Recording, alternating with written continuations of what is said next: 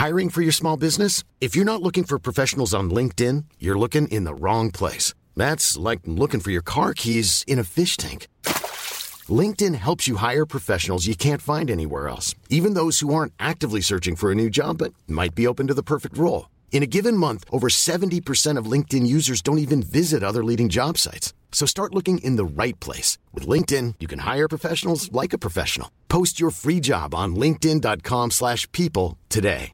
When you're ready to pop the question, the last thing you want to do is second guess the ring. At Bluenile.com, you can design a one-of-a-kind ring with the ease and convenience of shopping online. Choose your diamond and setting. When you find the one, you'll get it delivered right to your door. Go to Bluenile.com and use promo code LISTEN to get $50 off your purchase of $500 or more. That's code LISTEN at Bluenile.com for $50 off your purchase. Bluenile.com code LISTEN. There's never been a faster or easier way to start your weight loss journey than with PlushCare. PlushCare accepts most insurance plans and gives you online access to board-certified physicians who can prescribe FDA-approved weight loss medications like Wigovi and Zepbound for those who qualify. Take charge of your health and speak with a board-certified physician about a weight loss plan that's right for you. Get started today at plushcare.com slash weight loss. That's plushcare.com slash weight loss. plushcare.com slash weightloss. Etter hvert så ble det også da kaffebar som jeg var med på å starte. Askims første kaffebar.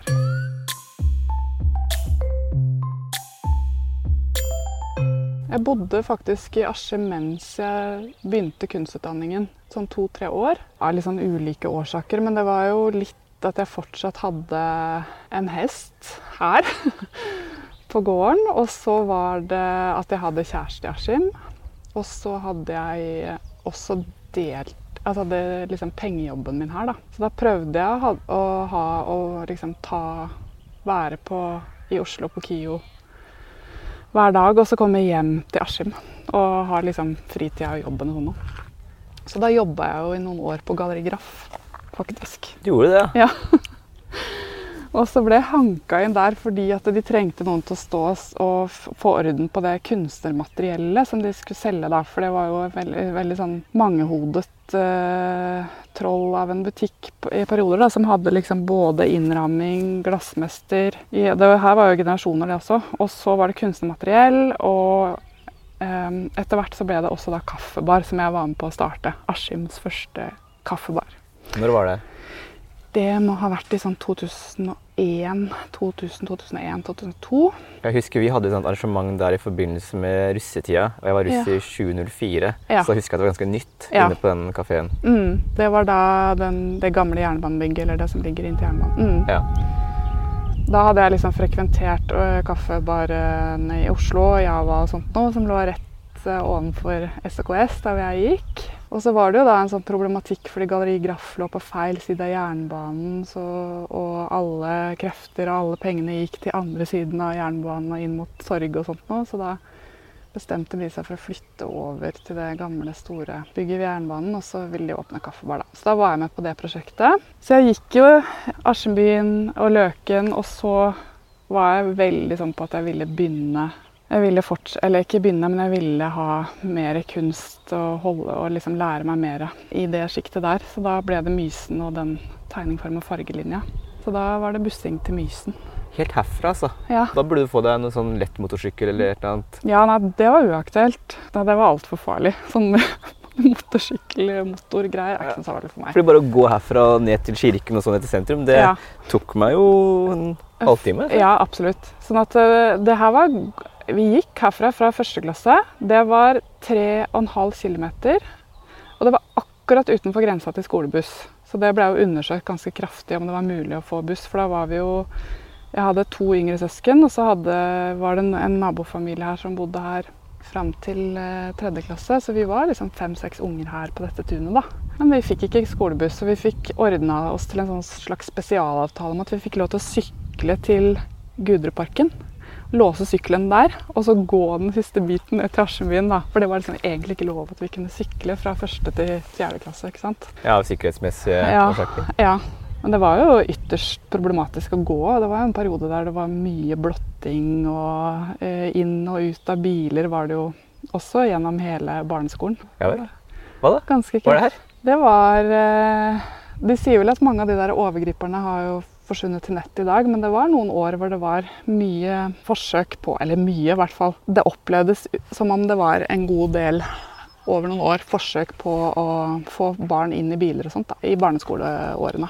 Husker ikke mye. Jeg husker liksom noen få episoder. Det der å gå alene til skolen, for det var et stykke, men det var liksom ikke noe aktuelt eh, å gjøre det på noen annen måte heller. Vi hadde altså, et par av de årene eller sikkert, Det var sikkert ikke år, det var sikkert snakk om kortere perioder i løpet av et par-tre år.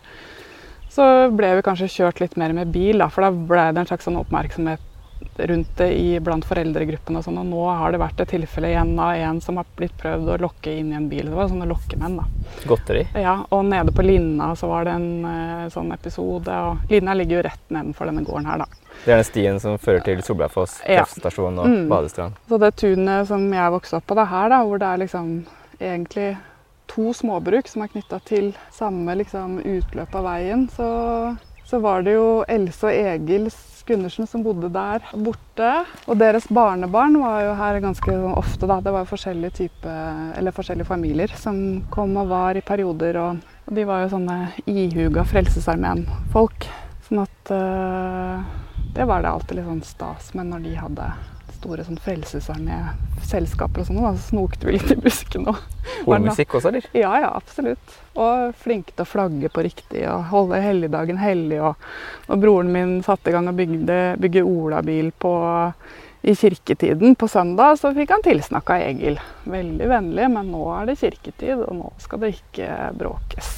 Ja, Og da må vi presisere at det er da ikke faren din Egil. Nei. For han heter også Egil. Ja, han heter Egil. Og han eh, var veldig for snekring. Eh, ja, han er snekker. Ja. Mm. Døgnet rundt var greit med snekring så lenge vi holdt på for oss sjøl. Og han slapp å måtte Han kunne geleide litt da, når vi, trengte, når vi trengte hjelp. Og han hadde alltid bra verktøy og sånt. Jeg har jo hatt en sånn kunstpraksis hvor jeg har eh, til tider vært avhengig av andre. Og så var jo det på en måte også normen når jeg tok utdanning da, på tidlig 2000-tall. For jeg gikk jo rett fra tre år på, Asje, på Mysen videregående rett inn på ett år på Oslo Tegn- og Maleskole. Da var jeg liksom så ivrig på å komme i gang med kunstutdanningen at jeg ville ikke ta grunnåret engang. Jeg ville rett inn på andre året. Og så søkte jeg meg inn på Institutt for farge, da. Så jeg var veldig sånn målretta. Um, Hva var målet med å studere farge, da? Det var jo da en um, autonom kunstutdanning som var egentlig opererte helt likt som Kunstakademiet. Men det var at de tok inn færre studenter. Det var seks studenter.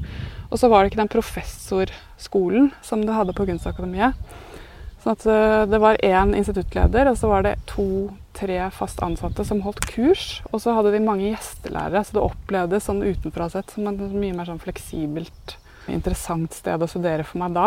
Men jeg var jo også veldig ung, så jeg hadde liksom på en måte ikke tatt med meg Jeg skjønte jo ikke liksom hele det der systemet, hvordan ting fungerte i, i miljøet og hierarkiene og hvordan det Og det har liksom hengt, hengt med hele tiden, da. Det å ta et valg og studere på Institutt for farge, som da var gamle kunst- og håndverksskolen, SKS, og selv om det da var en kunstutdanning som var progressiv, og det skjedde kjempemye gøy når vi var der, så, så er det sånn vedheng som eh, man må liksom bale med. Fordi at eh, kunstmiljøet er jo hierarkisk. Og det, det å ha tatt eh, utdannelsen på Kunstakademiet har nok vært lurere.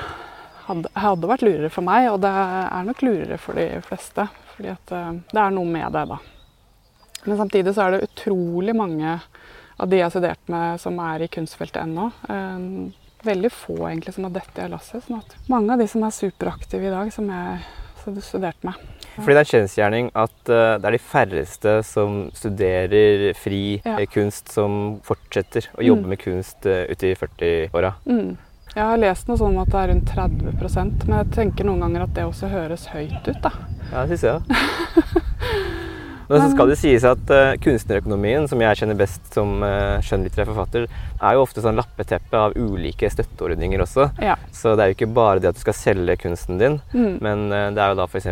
arbeidsstipend fra staten mm. og ulike prosjektstøtter og diverse. Ja. Så det kan jo være en del mørketall for så vidt også i positiv forstand. At det er mange som har en kunstpraksis på siden, da, som da har en fulltidsjobb med noe annet. Absolutt. Og det tenker jeg, og det er jo sånn jeg også har levd og virka sjøl også, er jo at jeg har eh, jobba mange, mange år i forskjellige institusjoner, både liksom med diverse verv, eh, politisk og administrativt, og jobba for andre kunstnere. Og, så jeg har på en måte alltid holdt meg i feltet, da. Selv om jeg har hatt Jeg fikk barn da jeg var sånn relativt ung, før jeg var 30. Eh, og på en måte bygde, bygde familielivet, så var det noen år jeg kanskje ikke fikk jobba så mye med mitt eget kunstnerskap. Men, men, da har jeg hatt deltidsjobber og pengejobber i kunstfeltet. Da. Så har jo på en måte gjort at jeg har vært kobla på på en eller annen måte hele tiden. da. Men Fortell hva hoveddrømmen til en kunstner er, da. Det er jo ikke da å ha masse ulike strøjobber. For de som ikke kjenner til samtidskunsten og hva det går ut på, hva vil du si, hva, hva er det det arbeidet går ut på? Det der ensomme kunstnerarbeidet i dag? For meg så har det har jeg nok egentlig alltid ønska å ha det, ha det, introverte, ensomme studiolivet. Jeg har trengt det og, det, og det strekker seg helt tilbake til det å vokse opp på denne lille gården som egentlig da ligger relativt langt unna Askim sentrum. Og det som var frirommet mitt her, da, det var jo rett og slett å sitte og holde på med mine egne prosjekter inne på, på rommet. Og når jeg endelig fikk mitt eget rom og slapp å dele med to yngre søsken, så var det liksom en lykke ikke. Men det var eh, male og tegne og lese masse. Og sånn håpløs romantiker. Så jeg hadde i sånn tidlig tenårene så hadde jeg sånn Shakespeare-prosjekt for meg selv. Satt og prøvde å lese Shakespeare i måneskinn og sånn. Det var helt krise når jeg ser på det etterpå. Hvor kom den der eh, kulturinteressen fra? Nei, det er jeg ikke sikker på. Eh, jeg tror jo at eh, Altså, faren min er jo snekker, og han er den som vokste opp på dette bruket. Småbruket, altså. Bestefaren min, Alf, og hans kone Ruth, de var jo liksom småbrukere. Og så jobba farfar på Bestefar, farfar, han jobba da på Viking. På, og var sånn leder for, for produksjonen da, i mange år. Eh, og så drev han småbruket på si, så det var liksom fritida hans. da. Og Så tok pappa over etter hvert, og så har jo gården aldri vært stor nok til at man kunne leve av det som ble dyrka på marka. Og hadde ikke, vi hadde ikke dyr til, til eh, verken kjøtt eller meieriproduksjon, så det var liksom dyrket mark. Og så startet han snekkerverkstedet, da. Sånn for å Han gikk på møbelsnekkerskolen ble møbelsnekker. Og så Det samme som er i Mysen nå, eller? Ja. Mm. Den gikk pappa på på 70-tallet. Mm. Og så startet han en sånn liten linje med møbler som han solgte, da. Eh, som jeg tror var sånn spesialtilpassa til at man kunne liksom få designet til rom, rom man trengte møbler til og sånt, da. Møbelsnekker Egil eh, tror jeg det liksom var omtrent. Noen få år. Samtidig som han også solgte grønnsaker på torget fra gården. Så ble det etter hvert juletrær, så han er jo kjent også for å stå på torget og selge juletrær i mange, mange år. Fortsatt? Nei. Nå har det, den sjappa lagt ned. Jeg må jo si at Det er veldig idyllisk her. Du har jo beskrevet litt hvordan ting står og ser ut her, men mm. det er jo midt i her så er det jo en liten inngjerding med sauer. Mm. Er det noen flere dyr her som eh, jeg ikke har fått sett ennå? Bortsett fra hestene som vi passerte? Sauer, og så er det høns. Uh, og så er det Vi har flytta uh, to kaniner hit som vi prøvde å ha i Oslo som frittgående. Det ble så upopulært hos naboene, så nå har de flytta hit og går frittgående her. Og så er det hestene som er på baksiden da, uh, av den store snek snekkeribygningen. Er alle i familien opptatt av hester? Nei, det har det ikke vært. Altså, vi, det, I og med at dette her lå såpass isolert fra Askimbyen, så var det nok oss altså Jeg og søsteren min fikk, og til dels broren min, var liksom litt interessert i hester. Og vi fikk litt introduksjonskurs på Hol. Men så var jo det en relativt kostbar affære da, å kjøre sånne ridekurs for tre barn. Og og kunne, de kunne ikke gjøre noen forskjell på oss. sånn at eh, Da fant vi ut at det var like greit å ha, hest, ha en hest hjemme som vi kunne ha på fôr. Da. da hadde vi tilgjengelig en hobby hele tiden. Og så tror jeg også kanskje var litt sånn praktisk. Da slapp de å kjøre oss noe sted. Da hadde vi noe For det ble en del kjøring hit og dit da. Ellers også, for min del også, så var det jo også det at jeg kom meg ikke så veldig lett til venner. Så jeg gikk jo noen ganger til noen jenter oppe på Askimjordet, og så hadde jeg noen gode venninner i Løkkeveien. Løkke, jeg tror det var det det heter. Ja. Opp mot uh, Jeg er fryktelig dårlig på geografi i Askim, og det henger nok sammen med at jeg faktisk har vokst opp og hatt lite sånn kontakt ut i de forskjellige villaområdene i Askim. Så når du sier Gudreløkka, så vet jeg akkurat hvor det er. Men alt annet er for meg en helt sånn grå masse. Jeg aner ikke. Hva er det du forbinder med Gudreløkka? Jeg tror jeg hadde en venninne der, Marie, som jeg gikk til. Eh, der er det noen fine villaer. Mormoren min bodde der. Eh, det som er morsomt når du snakker om akkurat det med geografien, så er det også noe jeg kjenner meg litt igjen i. Mm. Eh, etter å ha bodd utenbys i 15 år, så må man på en måte gjenoppdage det litt. Ja. Men så har du den bakgrunnen herfra, som ja. jo er ganske isolert, selv om det er da relativt nærme mm. sentrum. Mm. Men så måten de snakker om da resten av geografien på, er veldig morsom. For den er da litt sånn det utenfra-blikket. Mm. Som egentlig jeg aldri har kjent på på den måten. Jeg har tatt liksom hele sånn byen eh, og sentrum og mange av de nabolagene for gitt. Mm. Det måtte vært en del av min sånn, hverdag der jeg sykla forbi eller eh, herja rundt. Ja. Og man har så ulike utsiktspunkter selv om man er fra samme lille sted. Ja. Og jeg kan jo godt forstå det da, når du bor her. At ja. det, det, er jo De andre stedene er litt utilgjengelige. og det er veldig avhengig av at du får kanskje en ene venn vennen da, på skolen som du kan bli med hjem, kanskje. Ja. Og så får dere en uh, kobling der. Ikke sant. Og det er jo ikke noe, du drar jo ikke til et område i Askim for å gå og se en utstilling eller besøke en kafé som du har hørt noe om, sånn som man gjør i Oslo. Og man plutselig kan finne på å oppdage en helt ny by bydel eller noe som er bygd nytt nå, da, som det skjer veldig mye. Så har man jo en, det er et eller annet ved det som man skal oppsøke. Og da, på veien, så oppdager man mye annet. Det er noe av det som jeg elsker med å bo i Oslo, at du går på en måte aldri tom på ting å oppsøke. Men på samme måte nå så er det jo sånn at jeg kan kunne helt sikkert ha syklet meg rundt i Askim og oppdaget masse nye steder uh, uten at det hadde vært noe uh, å bespises der eller, eller besøke. Det som er morsomt, er at for deg så er Askim like mye småbruk mm. og gårdsliv på en måte, ja. som det kan være for meg eh, rekkehus og mm. villaområder. Mm. Fordi For meg så er jo egentlig gårder det er egentlig ikke noe jeg assosierer med Askim i det hele tatt. Nei, nettopp. Jeg vet jo om de fleste gårdene, men jeg tror det er færre småbruk i Askim enn det veldig mange fra f.eks. Oslo innbiller seg. Ja. Den siste boka til Trude Marstein har en karakter som da eh, drar og flytter til et småbruk i Askim.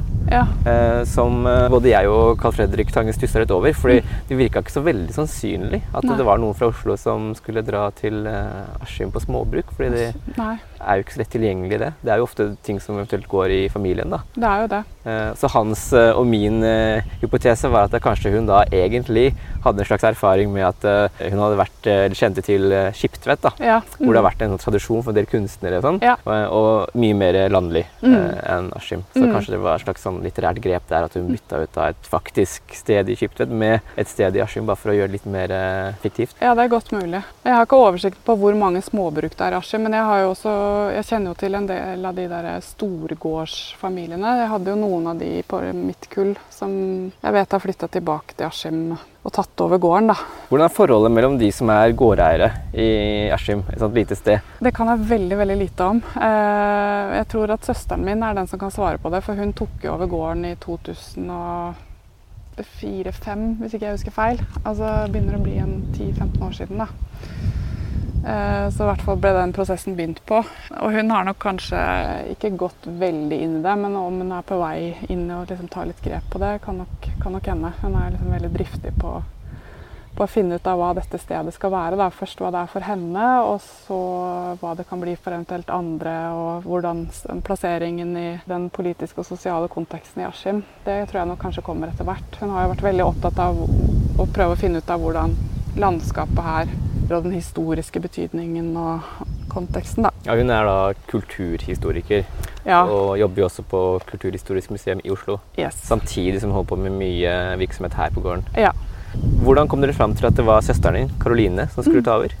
Jeg tror det var, altså det var en uh, prosess som egentlig mamma og pappa og Karoline hadde pratet om en god stund.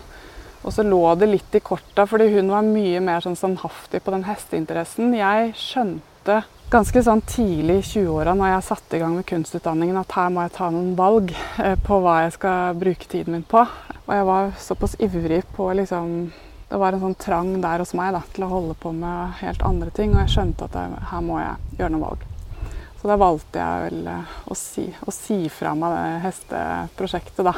Og da sto hun på en måte allerede klar og hadde kjøpt seg en hest til og satt følg på den osv. Så, så hun var på en måte mye mer sånn klar for å ta det valget. Og så flyttet hun tilbake hit da, til gården i et av de Det er jo tre hus som hører til gården. Og da ble det naturlig at hun etter ganske sånn kort tid starta prosessen med å ta over. da. Så har jeg to andre brødre også som det heller ikke var aktuelt for. Så, og det er jo ikke odel, det er såpass lite at uh, det var den det passa best for, da. Mm. Så det tror jeg var et bra valg. Hvis jeg skulle flytta hit, så måtte jeg gjort helt andre valg uh, for gården, og det hadde blitt noe annet. Hva hadde skjedd med kunsten? Jeg tror det ikke det hadde blitt kunst. Det, hadde blitt, det var det jeg skjønte, at det blir enten kunst eller gård. Så du hadde jo en helt annen overgang til mm. Oslo-livet enn det jeg hadde. Ja. Fordi For meg så var det jo sånn ganske så Den navlestrengen ble ganske brått kuttet etter videregående. Ja. Da flytta jeg, og så hadde jo du en mye mildere overgang. Med at ja. du fortsatt var involvert i ting både på gården og nede i sentrum. Og ja. hadde kommet tilbake med sånn spisskompetanse på kulturliv og mm. kafédrift. Som du da fikk eh, holdt på med på Galleri Graff sitt ja. kaféprosjekt. Så jeg lurte litt ja. mer på hvordan du eh, opplevde den der forskjellen mellom by og land, for å bruke den motsetningen. Mm. Fordi du da egentlig kommer fra et mye mer landlig sånn sted, mm. i hvert fall mm. vokst opp eh, på et landligere sted enn det jeg har gjort i Askim. Ja. Og så da dra til Oslo, bli en del av kultur- og kunstmiljøet. Mm. Og så prøve da å ta med noe av det tilbake til Askim igjen, da, mm. da du var i starten av 20-åra. Ja. Så du for deg at det var en framtid for en sånn type kafédrift og den kunsten du fatta interesse for i Askim? Nei, jeg tror nok det var bare sånn mer noe jeg gjorde for å ha på en måte å bruke det, det liksom, lille miljøet jeg hadde her da som en sånn mulighet for å teste ut ting. Og så var det jeg måtte ha en jobb, og jeg hadde liksom kjæreste og familie her. Så det var liksom å holde litt på det som var gode, og se hva jeg kunne få ut av det tenkte nok ikke sånn veldig nøye gjennom det. Og så gjorde jeg noen sånn hardnakka forsøk på å se om det var liksom mulig å gjøre noen kunstprosjekter under Kraftfestivalen et år, f.eks. Altså jeg hadde én venninne som jeg hadde god del kontakt med. Og hun, hun er den ene venninne jeg har kontakt med i Askim i dag. Som tok samtidsdansutdanning samtidig som meg. Det er to uh, avvik. Det var to avvik. Og hun er eh, Så vi fant hverandre liksom i, i, det, selvfølgelig. Og så foreslo vi da for Kraftfestivalen et år i å lage at vi skulle gjøre et prosjekt sammen. da. Det tror jeg var i 2002, eller 2001, så jeg var jo 21 da. 22. Og sikkert har gått ett eller to år på kunstutdanning. Kanskje ikke var det engang. Kanskje det var 20. ja. Det var i hvert fall ungt. Får inntrykk av at du hadde så mye giv etter å liksom ja skape noe Askim også. Ja. ja. det var det, altså. Uh, absolutt. Og det, det, var nok kanskje en sånn Var det den kjæresten, eller? Det var ikke bare det. Jeg tror det var også liksom prøve å finne en vei i vellinga, liksom. Det var Jeg hadde gjort en del sånn valg som allerede hadde ført med seg en del sånn brudd, så jeg hadde ikke et veldig stort nettverk her lenger. Men jeg var jo knytta til den gården her, og jeg var knytta til familien. Jeg så nok kanskje sånn potensialet, ønska det veldig. Og så gjorde jeg det forsøket. Men det gikk, gikk jo ikke sånn Jeg fikk, jo, fikk, det jo ikke helt til, fordi at det, det stoppa jo. Det ble jo bare rart. Eh, det var liksom det som var kommentarene på det som kom ut. at det var rart, og det, jo ikke, det passer jo ikke til Kraftfestivalen, og det gjør jo ikke det. Så om vi var festivalkunstnere, det vet jeg ikke. Jeg tror det var noen andre som var det, for det handla jo mest om å være den som lagde plakaten til festivalen. Rett og slett grafisk designer? Ja. Slash markedsfører? Absolutt. Det var mest det med markedsføring. Så det dere holdt på med, var litt mer eh, kunstnerisk, sånn som vi forstår samtidskunst i dag? da? Ja, det var å prøve å forstå liksom, byen vår hvor, som vi kom fra, gjennom å bevege seg i den på andre måter. da. Jeg ved å liksom stå oppå hustakene og prøve å male på bygningene, og hun med å bevege seg mellom flatene i de bygningene. Og de brukte masse akustikken husker jeg også. Jeg har noen fine DV-tape-kassetter, så jeg dokumenterte det hele da. Da jobber jeg liksom veldig Jeg jobber jo fortsatt multimedialt, men det var jo både med foto og film. Foto, film og tegning. Det prosjektet munna ut i. Du er kunstner. Ja. Du har da tydeligvis holdt på med kunst og interessert deg for kunstneriske uttrykk helt siden du var kjempeliten. Mm. Og holdt på her og leste Shakespeare og sikkert følte deg litt pretensiøs, eller, eller gjorde du ikke? Jeg tror ikke jeg skjønte at jeg var det da, men, men uh, Jeg så, leste en fin anmeldelse av den serien som heter Rådebank. Hvor det ble beskrevet at hovedpersonen da har en sånn indre trang. Og det er en slags annet press. Byungdom vokser jo kanskje opp med en sånn press om å ta høyere utdanning, og det er vanskelig å gjøre det valget om å ta f.eks. en håndverksutdanning. Da. da har du på en måte ikke lykkes. Mens jeg opplevde kanskje det motsatte. At her var det liksom ikke nødvendig det å skulle ta høyere utdanning. Jeg var den første i min, min, kjernefamilie som tok det. Og det var ikke noe vanskelig å få forståelse for at jeg skulle det, men jeg måtte finne ut av det meste selv. Det var ikke lett å liksom Jeg husker jeg hadde med mamma inn på en togtur, og liksom vi fant Kunsthøgskolen i Oslo, og da var det akkurat samlokalisert, så vi fant det administrasjonskontoret. Og så liksom gå inn på de ulike bygningene på åpen dag og kjenne på linoljelukta og alt det der, da. Men det var mitt prosjekt, det var jeg som ville det. Den trangen der, da, den, den var godt beskrevet i den anmeldelsen av Rådebank også. Jeg connecta veldig på det, liksom. Ja, det er det det handler om. Og det å liksom finne de her i Askim som hadde den samme trangen, det gjorde jeg egentlig ikke eh, før etterpå. da med, gjennom Amalie. Så når du da valgte å gå fra denne gårdsidyllen til Oslo for å studere kunst, som du var veldig målbevisst eh, på Det var en slags romantiker i meg, da. Som også kan, den, og den samme romantikeren kommer jo tilbake til Askim nå og ser Askim med et annet blikk. Og da handler det ikke om at det er så veldig flott i sentrum og sånn, for det syns jeg jo fremdeles ikke det er.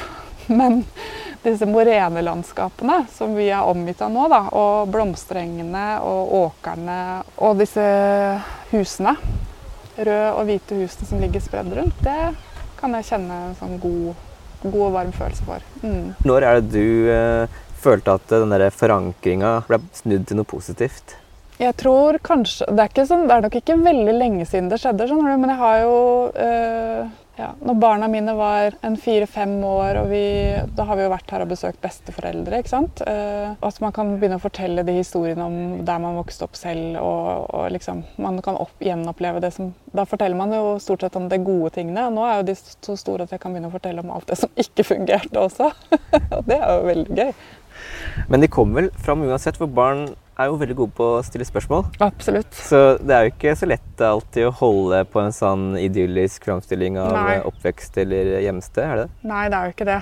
Og de kan jo spørre De spør jo om hvorfor, hvorfor vi ikke Sikkert hvem, hvem, har vi kontakt med, hvem har vi ikke kontakt med? alt det der. Sånne ting skjønner de jo. Så um, det er mange ting eh, det, Men det å bli en trygg voksen og være en trygg voksen for barn, eh, å være foreldre, det handler mye om å være trygg i, trygg i det, det, man kommer fra også.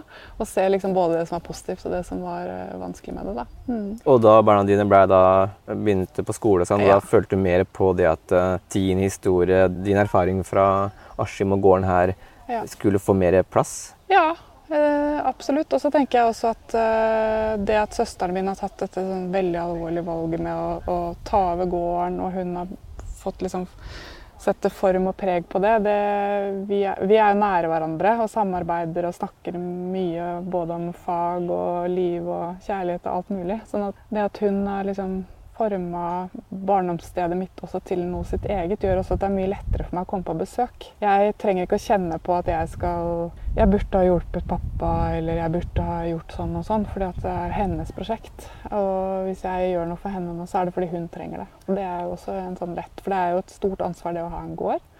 Så det å vite at ikke jeg skal ta over gården, var også veldig, gjør også noe med hvordan man kommer til et sted. da. Du må fortelle hva slags kunst du lager. Ja. Vi har bare nevnt kort at det er multimedialt og mm. sikkert mm. teoretisk og helt sikkert eh, fryktinngytende for mange. Det er sikkert det. Og jeg, har, jeg er også veldig sånn Kanskje ikke alltid den beste formidleren av min egen kunst, og det er noe jeg prøver å jobbe med å bli bedre på. bedre på. Men jeg jobber multimedialt og ofte tredimensjonalt, altså som ikke bare er bilder på vegg. Da. Så jeg har gjort en del skulpturer.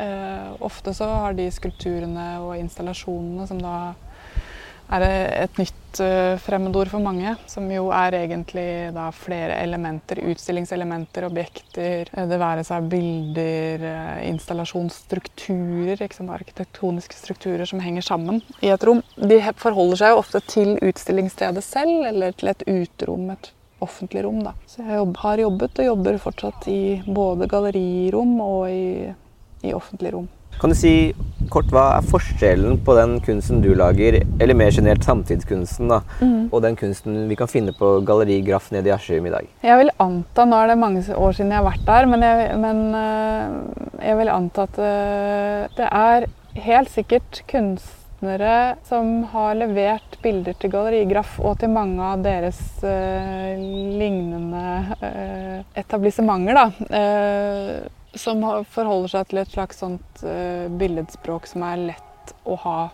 på veggen hjemme som uh, dekorativt uh, element, kanskje. Og noe av det er jo samtidskunst, fordi det lages av kunstnere som bor og jobber og virker i Norge i dag. eller i verden i dag, for den saks skyld. Ja, Så definisjonen er såpass brei og lettfattelig? Jeg tenker, tenker jo at man kan si det, for samtidskunst handler jo egentlig om at det er kunst laget i samtida.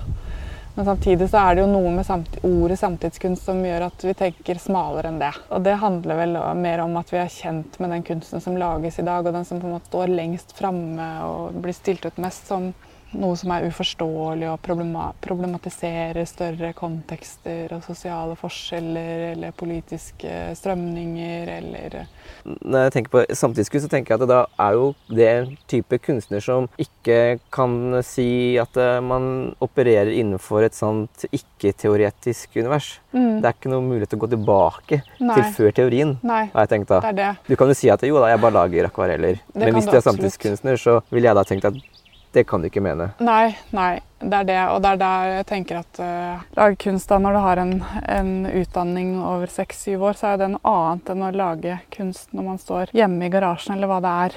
Hva det nå enn er. Er det da kunst? Det vet jeg ikke. Uh, men nå snakker jeg veldig sånn rundt og snilt, for, fordi jeg sliter jo litt med å, det å være kunstner fra Askim. fordi at det hender jo jeg blir forespurt om å, å f.eks. dele noe av kunsten min i liksom, noen settinger som er kommunale, eller sånn, fordi de har skjønt at jeg er født og oppvokst i Askim, og kan du komme tilbake og fortelle oss Er det jo ingen som har spurt meg om om jeg kan komme tilbake og fortelle dypt og grundig om hva jeg holder på med. For det er det, det man kanskje trenger når man holder på med kunst uh, som jeg gjør i dag, og det er liksom livet og virket mitt, så er jo det en det som vi da lett kan kalle for samtidskunst, så er jo det en kunst der hvor kunsten på en måte er spørrende og utforskende og ikke utelukkende handler om å lage noe som er estetisk verdifullt eller pent eller smakelig. Ja, For det er ikke bare snakk om stygt eller pent? Nei. Det er snakk om Dype, grundige prosesser som, eh, hvor kunsten på en måte er en del både det å gjøre kunsten og kunstverket i seg selv handler jo da om å finne svar på noe. ikke sant? Men svaret er ikke gitt. Jeg gir ikke, Når jeg lager en skulptur eller en installasjon, så gir jeg ikke et ønsket uh, Det er ikke svaret på et spørsmål jeg har stilt, men det er kanskje del av en prosess som jeg har starta, og kanskje ofte er det også et sluttpunkt i et spørsmål som jeg ikke, inne, ikke finner svar på. Men det er noe jeg ønsker å utforske. da. For Kunsten din, sånn jeg har forstått det, er da veldig nær forskning. Mm. Kan du forklare hvordan går det an? Hva er sammenhengen mellom kunst og forskning? Hvordan går det an å være en slags forening av de to tinga? Ja, og det, der nå kan vi jo fort begynne å snakke om det språket her også, på, hva vi, på, på kunstnerisk forskning f.eks. Eh, og om man skal sette de to opp mot hverandre. Nå kommer vi inn i store politiske spørsmål som jeg baler med hver dag. Fordi jeg er nå i det doktorgradsprogrammet på Kunsthøgskolen i Oslo. Da. Og det er jo eh, et nasjonalprogram som er på de fleste akademiene og kunsthøgskolene i Norge. Og i Europa og verden generelt så har man jo da et tredje nivå i eh, kunstutdanningen. da. Har man fått etter hvert. Det er jo et nyere utdanningsløp enn det f.eks. er i akademia. Så det er jo der ofte sammenligningen kommer. At det er, det er det forskning, eller er det noe som ligner på forskning, eller etterligner vi forskning? Eh, her kommer det også en del sånn kritiske røster inn. Da. Så egentlig så er kanskje kunstnerisk utviklingsarbeid et bedre ord. Vi utvikler noe som vi gjør gjennom å gjennom praksis, det å, å, lage noe. Ofte er det jo det. For en musiker vil det jo handle om å lage musikk, og for en tekstforfatter så handler det om å utvikle tekster. Uh, og for meg som er liksom er billedkunstner, da, per se, uh, multimedial sådan, og jobber jo like ofte med tekst som med bilder. Og tredimensjonalitet, så handler det om å, å, komme nærmere det jeg lurer på gjennom forskjellige typer medier, egentlig. Da. Med det så jobber jeg jo egentlig både da med tegning og bygge og konstruere skulptur. Det er ikke snakk om å være stygt eller pent, mm. og det er heller ikke en kunst som skal være nyttig. Nei. Det er jo noe sånt, helt sånn konsekvent unyttig med selve objektene. Absolutt. Så objektene skal ikke være stygge eller pene, skal heller ikke være nyttige. De skal til og med være sånn aktivt unyttige, mm. men de skal kunne henge sammen med et teoretisk forskningsarbeid. Ja, du er en god, er godt inne på noe der, altså. Så men det, samtidig så kan det jo ofte være både pent eller veldig stygt. Det kan det. Ja. Og for mange er det ofte stygt. Ja, absolutt. Og det er kanskje noe med at den der ideen om det skjønne, da, eh, det estetiske Den store liksom ideen bak estetikken handler jo om å, å finne, søke det skjønne. ikke sant? Og det er det som med modernisme, som du var inne på, så har man liksom forlatt, forlatt det og ønsket å komme videre med med dette store prosjektet og disse store spørsmålene. Da. Sånn at det å komme til det å, å utelukkende holde på med estetiske spørsmål nå er jo ikke veldig sånn godt ansett. Da. Det er ikke så veldig interessant. Vi har gjort og vi vet at Caravaggio har malt. Eh, og ja, vi kan fortsette å male som Caravaggio, men hvor interessant er det? Ja, fordi det handler om at eh, det er blitt gjort. Ja. Og hvorfor gjenta det i det mm. uendelige? Ja. I hvert fall hvis det ikke er noe for noe annen grunn enn å gjenta. Liksom. Da, det er da det kanskje stopper, da. Mm. Eh, interessen for meg, i hvert fall. Ja, for mm. da krever du noe mer av kunsten. Mm. Ja, som da skal gå utover det å gjengi en eller annen form for teknisk briljans uh, utførelse. Ja, og på den måten så er det jo Kan du si at det er likt, likt forskning, for forskningen er jo heller ikke tilbakeoverskuende og sier at uh, ja, nå ønsker jeg å gjøre et studie på denne bakterien, fordi det har de gjort. Det gjorde de en gang på 1800-tallet, og det var så veldig spennende. Så nå ønsker jeg å gjøre det samme. Forskningen jo alt, skaper jo alltid noe nytt, og det gjør man jo også gjennom kunsten og litteraturen og musikken. Man, man vil noe mer, og menneskeheten er alltid bevegelse. det, Der er jo liksom kunsten én uttrykksform, men det samme skjer jo i de fleste liksom, vitenskapelige felt og andre kunstuttrykk også. Og Det er da det begynner å bli skummelt for det krever jo av betrakteren, den som ser på publikum, at man må legge igjen et stykke, godt stykke arbeid selv. Fordi man får ikke en ferdig opptygd oppskrift på å lese et verk. Det er ikke elg i solnedgang, eller det er ikke naken kvinne på strand, liksom. Fordi der er du inne på noe veldig essensielt. Ja. Og det er der det ofte kan bli en sånn eh, polarisering mellom folket og eliten. Absolutt. Når det gjelder smak og ja. kulturforbruk. Mm. Den innsatsen hos betrakteren, mm. hvor kommer den fra? Og hvor mye kan du forvente av en betrakter? Og er det det som gjør at det hvite gallerirommet er eh, skremmende for mange? Det tror jeg nok absolutt at det hvite gallerirommet er skremmende nettopp fordi at det forventes. Og man vet ikke hvordan man skal te seg, og man vet ikke man, hva, hvordan man skal forholde seg til det som er der. ikke sant? Og det kan jeg jo veldig veldig godt relatere til fordi jeg har den oppveksten jeg har. da, når vi først nå sitter her på dette tunet, og verken liksom kulturell eller eh, kapital eller annen kapital som har gjort det veldig lett for meg å komme inn i disse kretsene. Så det er også noe jeg er veldig opptatt av, at, at eh, det å formidle til et bredt spekter av de som i hvert fall er interessert. Det er klart Man kan ikke nå alle med all kunst, og det kan man heller ikke med alle forskningsrapporter eller ny musikk eller all uh, poesi som skrives. Men at når noen er interessert, så prøver jeg i hvert fall å legge om språket, sånn at vi kan eh, enes om noe, eller at jeg kan i hvert fall igangsette noen sånne tanker hos den som kommer. Mm. Ja, Det er veldig fint at du drar tilbake til Askim igjen, eh, fordi det er det som er litt av eh, poenget her. røde mm. tråden. Og jeg vet ikke om vi var inne på det, men kan du si litt mer om hvordan møtet ditt eh, var? Det var litt gradvis, da, som vi var inne på, fordi du var jo fortsatt boende her i Askim og tok nattoget hjem igjen og sånn etter å ha vært mm. i Oslo og, og, smakt på både uteliv og kunstmiljø. Mm. Men den, eh, det første møtet med dette kresne miljøet, mm. med masse kjempeavanserte samtaler og koder, og hvordan den utviklinga har vært for deg, og hvor du nå selv er en del av dette, kall det kunstelitemiljøet, da. Mm. Hvordan har den overgangen vært, og hvordan er det du har opplevd det, som jo da har hatt et annet utgangspunkt enn de som vokser opp med masse kunst mm. hjemme og kanskje høyt utdanna foreldre osv.? Mm. Altså, det har jo på en måte bare skjedd mens jeg har stått i det, og det er øh og sånn løper jo årene på en måte av gårde. Jeg hadde jo den der indre driven på at jeg skulle og ville dette. Og, og det tror jeg også medvirkende til at jeg Det var jo selvfølgelig derfor jeg var der, og derfor jeg blei der og ikke dro. Selv om det ble vanskelig til sider. Jeg skjønte, jeg ble jo ofte Eller jeg ble ikke ofte, men jeg husker episoder hvor jeg kjente at jeg måtte bli taus. I diskusjoner og gruppesamtaler og sånn, hvor du egentlig er utfordra til å snakke og fortelle og, og stille spørsmål tilbake. Men jeg, men jeg kjente jo ofte på at jeg hadde det var ting jeg mangla, og ting jeg ikke kunne, og jeg burde visst, og jeg ville gjerne vite. Det var noen år i, i begynnelsen av kunstutdanningen som jeg Kanskje egentlig under hele kunstutdanningen, for jeg tok den liksom på rappen rett etter videregående. Etter, etterpåklokskapens uh, forteller meg jo at jeg helt sikkert bare burde hatt et par år pause og gjort noe helt annet, så jeg hadde rukket å bli litt voksen i mellomtiden. Men jeg husker det der med å kjenne på at uh, jeg skulle ha visst mer. Jeg burde ha lest, og jeg burde ha visst. Da. Og dette her tenker jeg jo en del på. Nå, nå har jeg ikke noe fast undervisningsstilling i dag, men jeg har jo undervist i perioder og litt sånn inn og ut av ulike utdanninger og sånt noe. Jeg tenker ofte på det, viktigheten av at det er rom for sånne som meg, da, som kommer fra et lite sted, og hvor det ikke liksom spyttes inn verken penger eller bokhyller. Um, og at kunstutdanningen også skal være for de, og at språket vi snakker sammen på skal være sånn nært at det skal være lov til å være tydelig på at det er det jeg kommer fra. Da. Her er det fortsatt en stor jobb å gjøre, tenker jeg. Mm. Mm. Det er nok et større fokus på det nå. Nå har det jo vært en del bevegelser de siste årene, både liksom på kjønnsperspektiver og i forhold til hvor folk kommer fra når de velger å studere f.eks.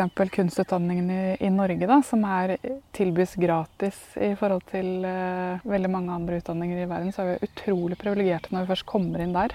Vi velger om, med omhu de som får lov til å studere, tenker jeg. Uh, ja, fordi kjønn er jo lett å se, mm. men hvem som har mye som du sier, kulturell og sosial kapital mm. med seg i bagasjen, det er jo ikke så lett å se. Det er jo ikke det. Så der er det jo en ganske grov skjevhet, vil jeg tro, mm. i hvilke inngangsdør som åpnes for mm. hvem. Jeg hører jo at i, i utdanningskretsene så har man et større øre for disse tingene nå. At man sorterer på andre måter enn man har gjort før, i hvert fall.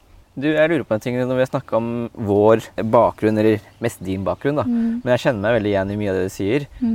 Både litt sånn geografisk uh, utenforskap, mm. i forhold til i hvert fall Oslo, da, hvis det er på en måte sentrum for uh, kunst og kultur. Også det med at jeg har ikke noen foreldre med noe høyere utdanning. Først i min familie til å ta noe som helst eh, studiepoeng. Det har gjort meg veldig skeptisk og mistroisk til smak. Mm. Og bare alt uh, som uh, fremstilles som god smak. Mm. Kan du relatere til det? For jeg opplever liksom det at uh, det som har blitt bestemt for å være god smak opp igjennom, enten det er klesstil eller mm. kunst eller all slags kulturprodukter, mm. det er ikke noe som harmonerer med smaken til mine foreldre, for å si det sånn. Nei. Så jeg har fått inntrykk av at den smaken, som da hele tiden er omskiftelig, og det er noen, noen som på en måte er med å bestemme den i, mm. i større grad enn andre, at den gjeldende, rådende smaken eh, den, den, var ikke mine foreldre med på å definere. Jeg har fått inntrykk av. Nei, nei, nei. Og det gjorde meg veldig sånn skeptisk til alt eh, som framstilles som den rette eh, mm. og gode smak. Mm. Tror, det er kanskje mine foreldre også skilte seg litt ut. De hadde jo gjort noen sånne litt, andre valg da, som handla om å bosette seg her og drive dette snekkerverkstedet. Og pappa, pappa er jo kanskje en sånn hobbykunstner han er hobbykunstner, han sier at han er det også, men skulle kanskje vært kunstner egentlig hvis han hadde hatt muligheten, eller tatt muligheten. Sånn at han, den estetikken eller smaken som de hadde hjemme, var nok ikke helt sånn 80-talls uh, vanlig gjengs, da. Så de var rett og slett litt mer formende de, på hva som var gjeldende smak, kanskje? Altså, De var, hadde jo mye meninger om hva som liksom var uh, Og det handler, om, det handler, om, verdispørsmål, da. Hva som er viktig. ikke sant? Om materiell, materiell Velstand var ikke så viktig for dem, f.eks. Uh, og lagde, de lagde møblene selv. Og uh, MTV-kulturen, som var liksom premissleverandøren på 90-tallet da jeg vokste opp, det visste jeg jo ikke hva var. Så vi hadde, for vi hadde f.eks. ikke TV, da. Yes. Sånn at uh, Så du, du, så ikke på MTV, du? Nei, nei. Overhodet ikke.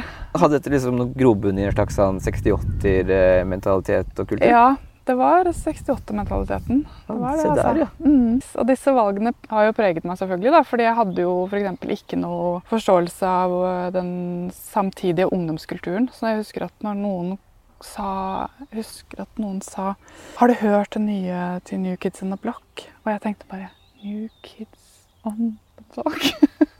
og jeg skjønte ikke hva det handla om i det hele tatt. Jeg var helt ute. Eh... Men da rimer det jo litt mer at du har valgt den stien du har gjort, gjør det ikke? At det ikke er liksom det folkelige, populærkulturelle, men det er mer det akademiske, og det er, eh, ja, det er samtidskunst. Jeg har lov til å utforske. Det var liksom Det, det, det syns de alltid var viktig. Uh, men, men, de, heller, de pusha ikke på at det, det, trengte ikke å komme noe utdanning ut av det. Så vi hadde f.eks. Dag Storaker, som er en uh, Askim-kunstner. Og når jeg vokste opp på 80-tallet, så var han den eneste som jeg kjente som levde av å være kunstner. Og det var litt sånn stort for meg. Så han frekventerte uh, snekkerverkstedet til pappa i tider da når han trengte å få hjelp til å bygge noen elementer til sine skulpturer, så brukte han pappa, og de hang litt sammen og sånn. Så en av de samtalene jeg hadde med han, hvor pappa sa at du må snakke med Petrine fordi hun nå driver hun og tenker på om hun skal ta kunstutdanning. Uh, uff, han var en veldig svær uh, mann. Fåmælt og, og barsk. Jeg hadde veldig stor respekt han, for han da, for det han gjorde. Og, og, jeg skjønte at han hadde fått til noe, liksom. Og når han så på meg, så sa han 'Hvorfor skal du det?' 'Hvorfor det? Trenger ikke det.' Så det var, jeg fikk ikke noe støtte, han heller, til å ta kunstutdanning. For han var autodidakt og var selvlært. Så han hadde sittet på teaterkafeen med Gunnar S, og det fortalte han om i det vide og det brede hvor fett det var å sitte der og, og bygge nettverket sitt. Og komme seg opp på en eller annen måte med det, men han syntes det var helt unødvendig å ta kunstutdanning. Så det var liksom ikke noe hjelp heller fra, fra den ene Askim-kunstneren. Da. da snakker du om en sånn generasjon som framstår som mye mer sånne gammeldagse raddiser. Ja. Som da setter liksom sin eh, ære i det å være selvlært. Være fritenker. Ja. ja.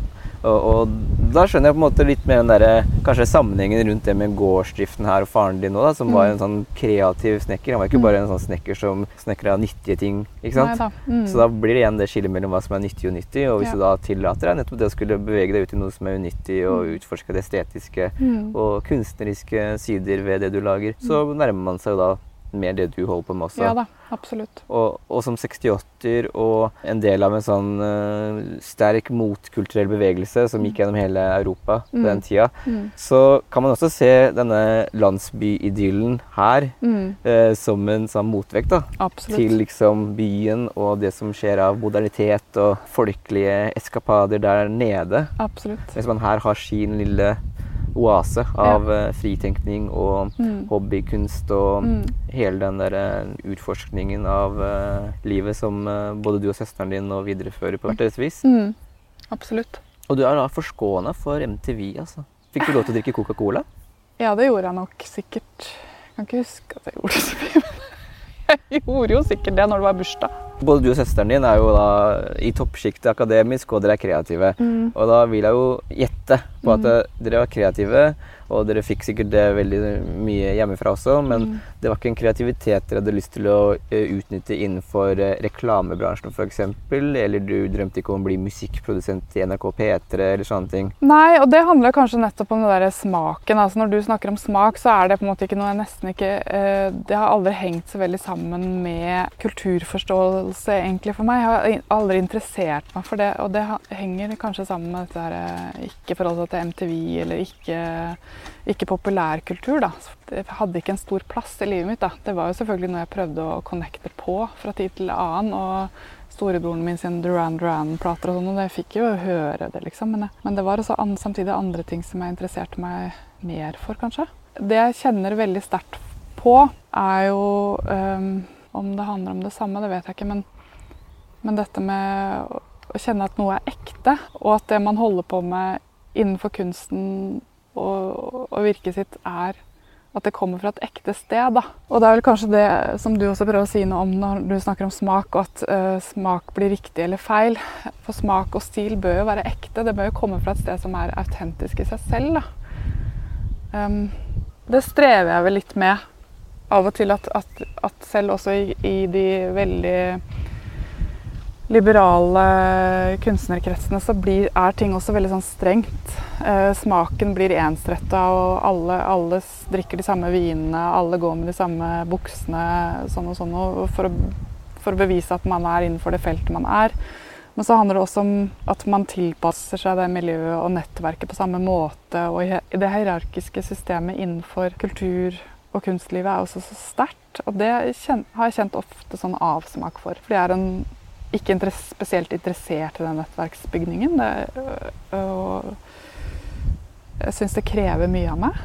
Um, og kanskje er det også fordi jeg opplever at det handler veldig ofte om å fjerne seg fra det som er autentisk i meg. Da, eller at jeg må tilpasse meg noe for å komme et visst sted. eller noe. Det, er, det gir meg avsmak, i hvert fall. Mm. Da snakker du om det der sosiale spillet, mm. som er jo egentlig da i realiteten veldig viktig for å kunne nå de mulighetene man ønsker som kunstner, da, i ditt tilfelle. Mm. mm. Det er en del sånne portvoktere som man når man vokser opp, kanskje ikke tenker så mye over. Men uh, det er vel såpass enkelt og banalt, er det ikke det? At det er mennesker som uh, gir grønt lys eller rødt lys for enten det er stipender eller utstillinger eller prosjekter, jobber osv. Jeg tror på en måte så er det er det riktig som du sier, men her, igjen så er det kanskje sjikt, og det er eh, måter å veie rundt det. og å komme rundt det. Og så er det måter og veier å, å, bruke det og spekulere i det og være god på det, kanskje. Og noen er jo bare utrolig gode på det og er det fra barnsben av og bruker det for alt det er verdt. Andre strever med det sånn som jeg gjør, men har likevel funnet meg en vei i det. Og da handler det mer om å ok, se hva som trengs. Hvor er det jeg kan, hva kan jeg jobbe med, og hva kan jeg ikke bry meg om å jobbe med, f.eks. Uh, og så er det jo enkelte da som faller av kanskje fordi man strever på flere av de punktene. Og da tenker jeg det er vanskelig å klare å gjennomføre prosjektet sitt. fordi hvis man f.eks. ikke er uh, glad i å skrive om det man holder på med, men holder på med en veldig isolert ensom praksis. Man kan gjøre helt fantastiske ting, men verken liker å sosialisere eller å skrive søknader eller å finne vei rundt og få så man får vist greiene sine, eller sånn, så er det jo lett å falle av. For å få progresjon og holde profesjonaliteten oppe, så må man jo rett og slett komme ut og vise kunsten sin. Da er det jo bedre å bli regnskapsfører? Ja, eller holde, holde det ekte. Eh, fleste tenker jo i de banene i ganske mange år. Er det dette jeg skal holde på med? Nå var det trått, og dette stipendet fikk jeg ikke i år. og må jeg virkelig søke igjen neste år. Og eh, akkurat nå har jeg prosjektmidler i fire måneder, og så må jeg ha en ny deltidsjobb. Det er jo sånn man holder på i mange, mange år. Ja, Du har jo snakka litt om det, at uh, du fikk jo barn ganske tidlig sammenlignet med mange andre som jobber i kreative yrker, og ikke minst i kunstverdenen. Mm. Har du hatt noen øyeblikk uh, hvor du har tenkt at du vil gjøre noe annet? Ja, øyeblikk er det. Og det hender kan også komme til meg nå, liksom. Hvis jeg står fast og det er hardt. Og det er det jo nå når man har liksom høye produksjonskrav og eh, både til seg selv og det forventes av deg av andre og sånt noe, så tenker jeg åh, søren, altså. Så kommer det noen øyeblikk, noen timer. Man går litt i kjelleren, men så kommer jo den gnisten tilbake igjen, liksom. Og det, det gjelder det, det, jeg slår det aldri gjennom, så jeg legger det jo fra meg. Så ja, For du har tenkt liksom tanken at det hadde vært befriende noen ganger med en mer ordinær 9-4-jobb? Jeg tenker det, men det er veldig kort. Det er liksom eh, snakk om timer. Hvis jeg har møtt på et stort problem. Og det handler ofte bare om at jeg må gå en tur eller, eller gjøre noe helt annet. Og bare at ting skal få løsne opp, da. Men hva tenker du har vært det verste for deg å miste, da? Hvis du hadde gått over til en sånn mer vanlig jobb? Jeg vet nesten ikke hva det er. fordi det, som vi snakket om i sted, det å dra på ferie Jeg vet ikke hvordan man egentlig drar på ferie. fordi nå er det sånn at jeg planlegger en eh, Når jeg er ferdig med det store prosjektet jeg holder på med nå, til neste år en eller annen gang, da har jeg noe jeg skal skrive. Det er det jeg vet. Og så planlegger jeg liksom for, Går og drømmer litt om hvordan forholdene for den skrivinga skal være, da. Men jeg planlegger jo ikke å ta fri. Jeg planlegger jo å, å jobbe. Ja, jeg har det egentlig på samme måte. Ja. Altså, jo mer jeg tenker over det, så tror jeg egentlig mine foreldre var liksom sånn 68-ere eh, uten at de visste det sjøl. Ja, nettopp. For, faren min har ikke engang flydd. Nei. Han har aldri sittet på et fly. ja. og, og, er liksom alltid protestert mot sydenferier og hele den pakka der. Så mm. ja, det har vært en sånn derre um, 68-ere eh, undercover. Ja. og jeg tror nok det har smitta litt over da, på, på meg. Sikkert. Så det er jo liksom for min del mest sosialarv, da. Mm. Det er jo morsomt da, å tenke på. At det fins andre veier til et godt liv. Mm. Som jeg tror er litt av hovedgreia. Mm. Med i hvert fall det å skulle jobbe kreativt, sånn som du har valgt å gjøre, og søsteren din også, som prøver å forene all denne teorien og historiske kunnskapen med nåtid i praksis her på gården. Mm. Som er veldig spennende. Er det noe du kan tenke deg å delta aktivt mer på med et sånt kunstnerisk eh, perspektiv? Det er jo vanskelig å overgå det fantastiske prosjektet som Søssa og Geir Tore gjorde i, i Skiptvet. da. Søssa Jørgensen og Geir Tore Holm de gjorde jo et fantastisk prosjekt der når de flytta, like etter at de flytta og tok over gården, eller kjøpte gården sin der.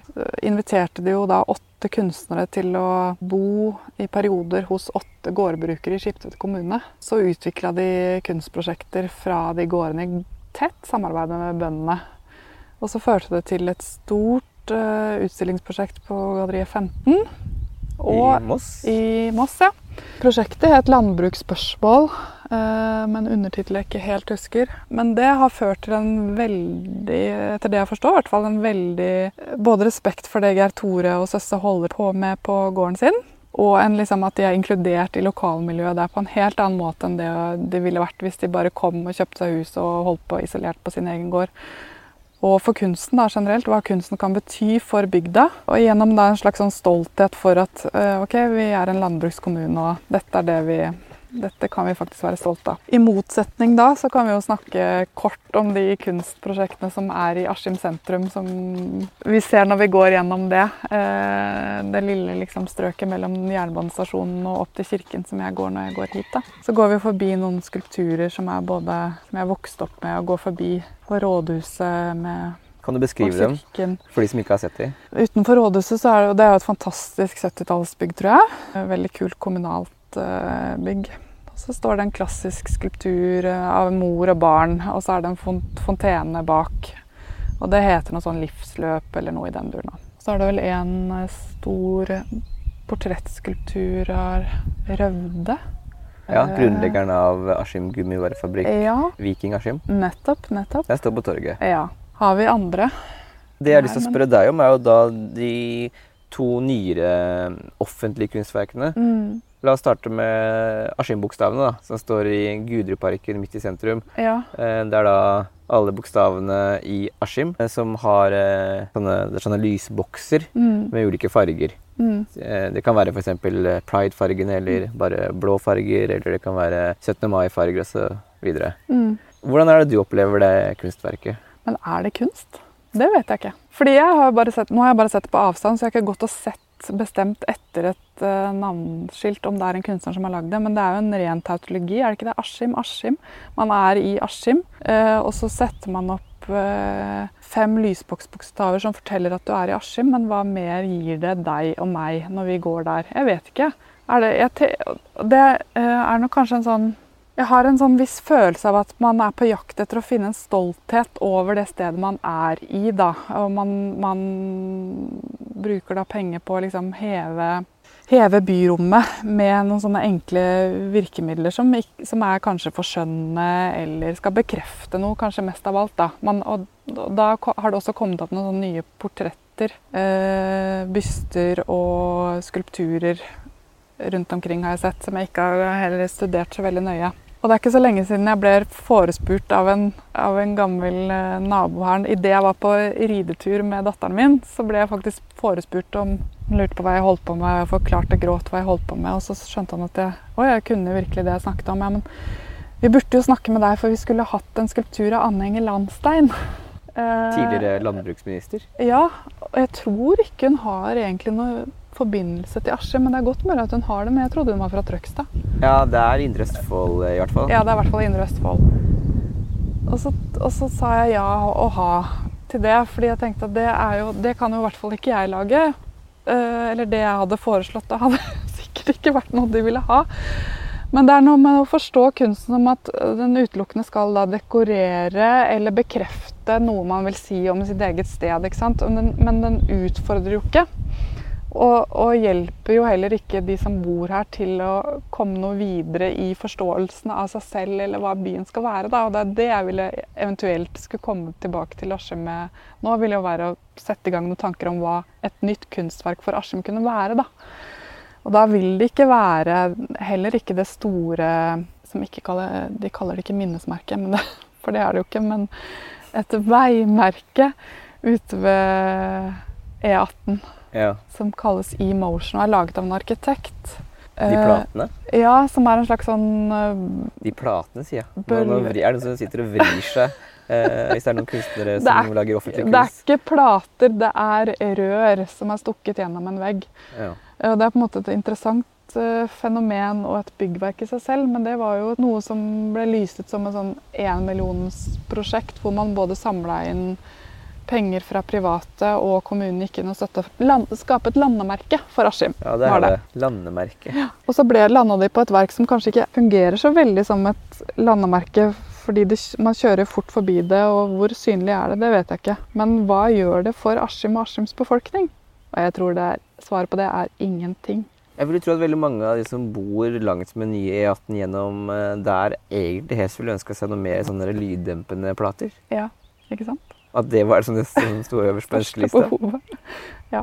Det andre verket jeg har lyst til å bare høre med deg, det er den der um, blå, abstrakte figuren som er veldig nærme Folkeparken. Mm. Som du helt sikkert har passert mange ganger, for det er jo på vei opp hit. Ja. Som jeg tror den heter Humlespor, mm. eller noe sånt noe. Hvordan vil du beskrive det?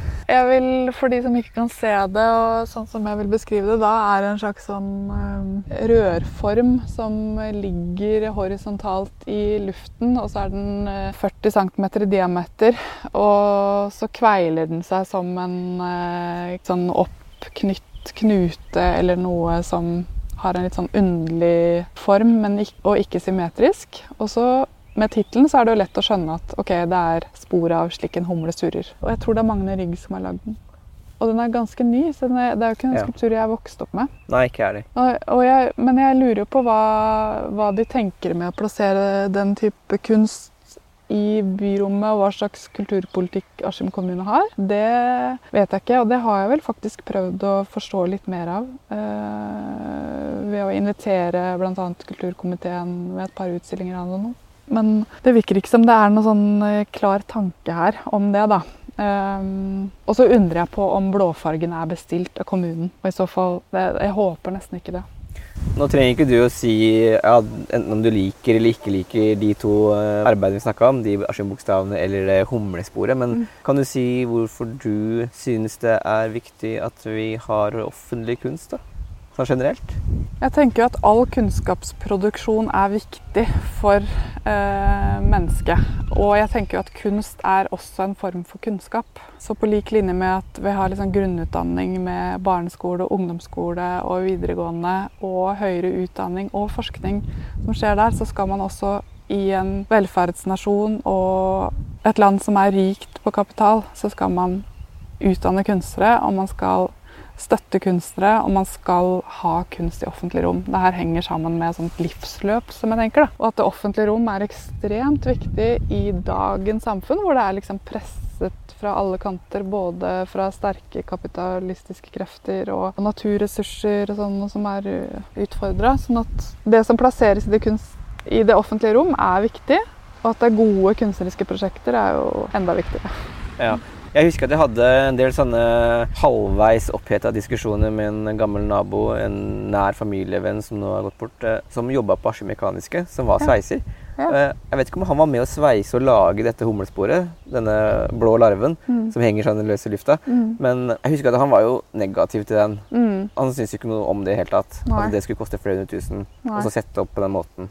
Og jeg vet andre ting i andre småsteder, for den saks skyld, møter mye motstand. Mm. Har du noen forståelse for de som mener at det er bortkasta penger eh, for eh, kommuner å betale og bestille sånne offentlige kunstverk?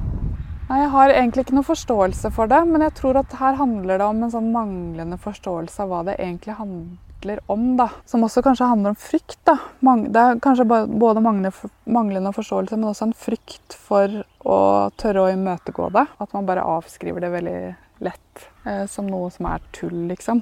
Men det er klart, jeg syns det, det, er vanskelig, de diskusjonene. Det er ikke få ganger jeg har stått i det selv heller. Men jeg tror også at med tiden så vokser jo ting på en. Så jeg vil anta at hadde du spurt den samme naboen i dag, så hadde kanskje denne skulpturen vært helt OK. Men jeg vet ikke. Han var så hardnakka. Han var så bestemt på at det der var bortkasta. Bare tull. Ja. Men f.eks. faren din, da, som jo ikke har sånn høy akademisk kunstutdanning som du har, mm. men som allikevel er opptatt av kunst og mm. estetikk. Mm. Hvordan er det han stiller seg til det? Innvendingen blant mange vil jo være Oi, vi trenger jo mastergrad i kunst for å kunne gå i vår egen by mm. Eh, og forstå noe av dette som settes opp. Mm. Ville han vært et eksempel på det motsatte? At det går an å anerkjenne det uten å være høyt skolert innen avanserte teorier? Jeg tror nok kanskje det. At det er noe større forståelse fra den kanten. Og samtidig så tror jeg at det er veldig sånn liten forståelse for folk av hvor lang tid faktisk et kunstprosjekt tar å utvikle. Da. Og at tid er penger, og at alt det vi gjør også har eh, en økonomisk verdi. Tidsmessig og økonomisk verdi. Og at eh, det å utvikle et, et offentlig kunstverk som skal stå over mange mange år, det betaler, det betaler seg ned eh, på sikt. Sånn at jeg, jeg, tror nok også den der forståelsen av hva ting koster, henger jo ikke alltid sammen hos den 68-generasjonen heller, da. Joshua French, ja. bodde ikke han her? Han har bodd her en periode. Ja. Mm. Var han en av lekekompisene dine her? I en kort periode så var han det. Vi hadde jo Altså, det var uh, mamma og pappa som bodde Jeg bodde jo her da med tre søsken. Og så um, har de også leid ut et hus her i perioder. Så da hadde vi også en fantastisk nabofamilie i noen år som levde litt på samme måte, litt isolert. Og tre, tre, de fikk tre-fire unger sånn relativt parallelt. Og så hadde Else og Egil, som var naboene her, da et uh, hus som det plutselig bodde en liten familie hos. da. Var, og det var Joshua, søsteren og, og moren. Du har ikke hatt noe kontakt med han? Jeg har ikke det. Du kan ikke belyse nyhetssakene noe mer enn eh, Nei, jeg tror ikke jeg skal gjøre det. Jeg har ikke hatt noe kontakt med de. De flyttet jo videre i Askim ganske fort etter de bodde her. Og, så, og resten av den historien er jo egentlig godt beskrevet i noen bøker og sånt. Ja. Og nå er han vel bare ute og holder foredrag, antar jeg? Tror han har slutta med det. Oh. Ja, jeg tror det ble en kort prosess etter at det var en del prosesser og sånt. Oh, ja, vel, ja. Nå har du bodd nesten like lenge i Oslo som i Askim. Ja. I hvilke sammenhenger sier du at du er fra Oslo, og i hvilke sammenhenger sier du at du er fra Askim? Jeg tror at øh, Jeg sier nok ganske ofte at jeg er født og oppvokst i Askim eller Østfold. Og så må jeg spesifisere, så er det mer ja, det er indre Østfold. Fordi de fleste forbinder Østfold med Fredrikstad, Moss, Sarpsborg nedover der. Og hva blir det? Nei, det blir da nærmere svenskegrensen, liksom. Vi er på vei mellom her og Det er ørkenen mellom her, her og Sverige, liksom. Så man må jo ofte spesifisere, da, fordi Askim ikke har den der egen identiteten eh, lenger. Fordi, og jeg tror det henger sammen med det at industriinstitusjonene forfalt og forsvant og sånt noe det som måte bandt veldig mye av bygda sammen, det var mm. jo gummifabrikken nede i sentrum. Ja. Som ga i hvert fall de som jobba der, og egentlig alle de som da hadde en bekjente som jobba der, det ga jo hele stedet en veldig sterk sammenhengskraft. Og det gjorde jo at veldig mange som bodde der, følte en sånn selvfølgelig tilknytning til stedet. Mm. Og da den gikk under på tidlig 90-tall, så tok vel også litt knekken på den Askim-identiteten. For da måtte jo folk finne en ny måte å være flinke og gode på, mm. og finne en ny anerkjennelse anerkjennelse. Mm -hmm. Fordi de hadde jo vært anerkjent i lang lang tid for å lage bra gummiprodukter. Mm. Dekk og gummistøvler. Mm. Hva skulle de nå være gode på? -hmm. Og det er vel kanskje noe vi fortsatt stiller et spørsmålstegn ved. Hva er det vi skal være gode på i 21. århundre? Ja. Og jeg tror at eh, vi hvis vi skal vende det tilbake til kunsten, så tror jeg ikke man kan gjøre det ved å f.eks. sette opp eh, Askim som lysende skilt i sentrum. Jeg tror ikke du kommer videre med det. Det er gode forsøk da, på å finne liksom, noe som binder oss sammen. i det hele tatt, Men jeg tror man må dypere ned og forstå mer av hva slags type folk som bor her i dag. Og hva de interesserer seg for. Eh, hvorfor de velger å bo her. Eh, og historien som både ser bakover og framover, tenker jeg er viktig. da. Um, jeg har jo hatt eh, et intervju da tidligere med Carl Fredrik Tangen, som jo også har gjort som deg, flytta fra Askim til Oslo og mm. bosatt der nå. Etablert seg der med sin familie.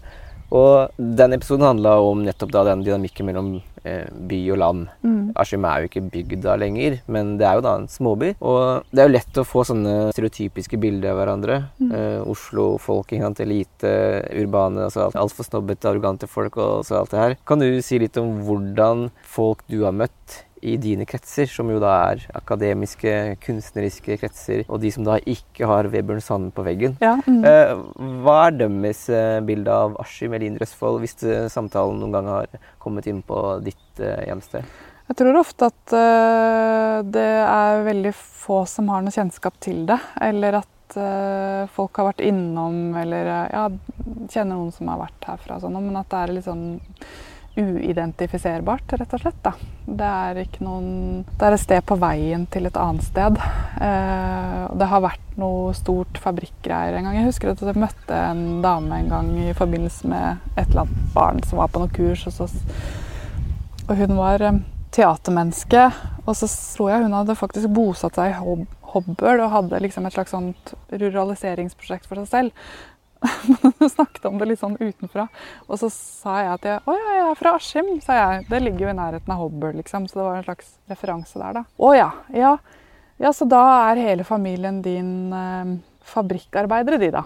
Det er vel Viking, eller er det kanskje Glava, som på en måte lagde narrativen for meg? Så måtte jeg bare si beklager, det stemmer ikke. Men, men det var et snodig tilfelle, fordi hun visst, hadde noen knagger å henge på allerede da, med fabrikker og sånn. Men de fleste blir jo bare liksom spørrende til hva Askim er. Mm. Um, Folk vil jo da lett henge ting på de knaggene de kjenner til. Mm -hmm. Det kan være utdaterte knagger, eller det kan være overdrevet eh, komiske knagger, mm. som eh, alle fra indre Østfold har kjennskap til. Mm. Føler du da i de samtalene eh, noe behov eller noe sånn driv etter å ville utdype, forklare og fortelle liksom Nei, sånn er det ikke. Eller det er litt mer sånn og altså det, det, som ofte skjer, er at jeg må fortelle om hvor jeg vokste opp hen. Så er det også at jeg forteller at jeg vokste opp på småbruk. Eh, og da går jo ofte samtalen dit at jeg, det var landlige omgivelser, og det var langt mellom folk. Og vi hadde denne lange skoleveien hvor det var blotting, og det var eh, som Sibir på vinteren og hete på varme sommerdager i juni og gå til og fra skolen, liksom. Men det blir fort en, sånne naturfortellinger rundt, fordi ja, det er stort sett det det er for meg nå. Da. Det, er, det er som sagt liksom venninne jeg har kontakt med her, og, og, resten har på en måte forblitt en sånn tidlig, tidlig barne- og ungdomsfase som det er begrensa hvor interessant det er å gå inn i. da. Petrine, vi sitter jo da på uh, familiegården din, Østrengård, rett overfor Askim kirke, og jeg syns det er herlige omgivelser. Selv om jeg er superallergisk for mesteparten av de vesenene som går rundt omkring her. Du bor i Oslo, kommer ikke til å flytte derfra med det første, og du holder på med doktorgrad ved mm. Kunsthøgskolen i Oslo. Mm. Hva er et godt sted å bo for deg? Et godt sted å bo for meg, det er rom og omgivelser som det er lett å tenke og arbeide i. Tenke fritt i. Og som det enten er nok folk i til at man kan drukne i. Og bli liten og usynlig og borte og bare kunne observere. Eller et helt stille og rolig sted hvor det stort sett bare er en selv og de man har valgt ut og håndplukka. Eh, og nok plass da, til å kunne utfolde seg. Petrine Vinje, tusen takk for praten. Takk selv. Takk for invitasjonen. Takk for god prat.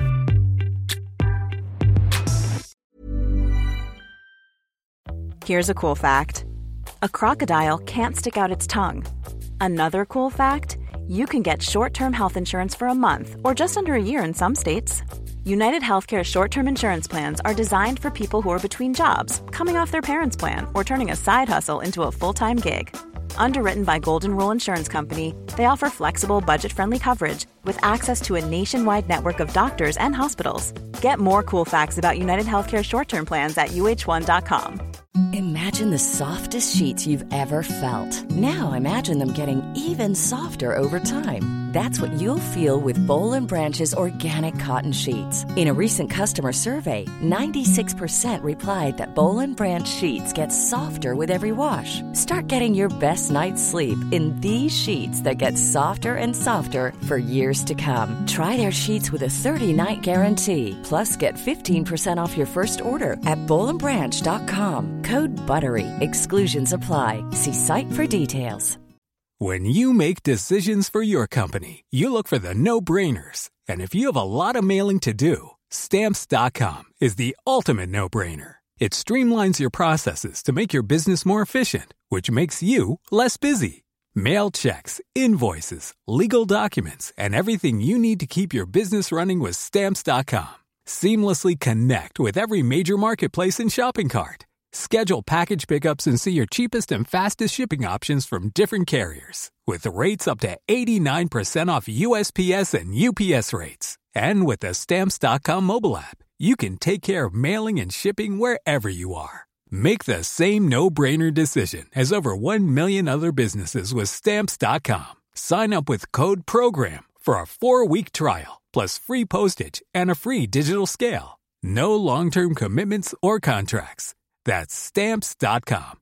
Code program.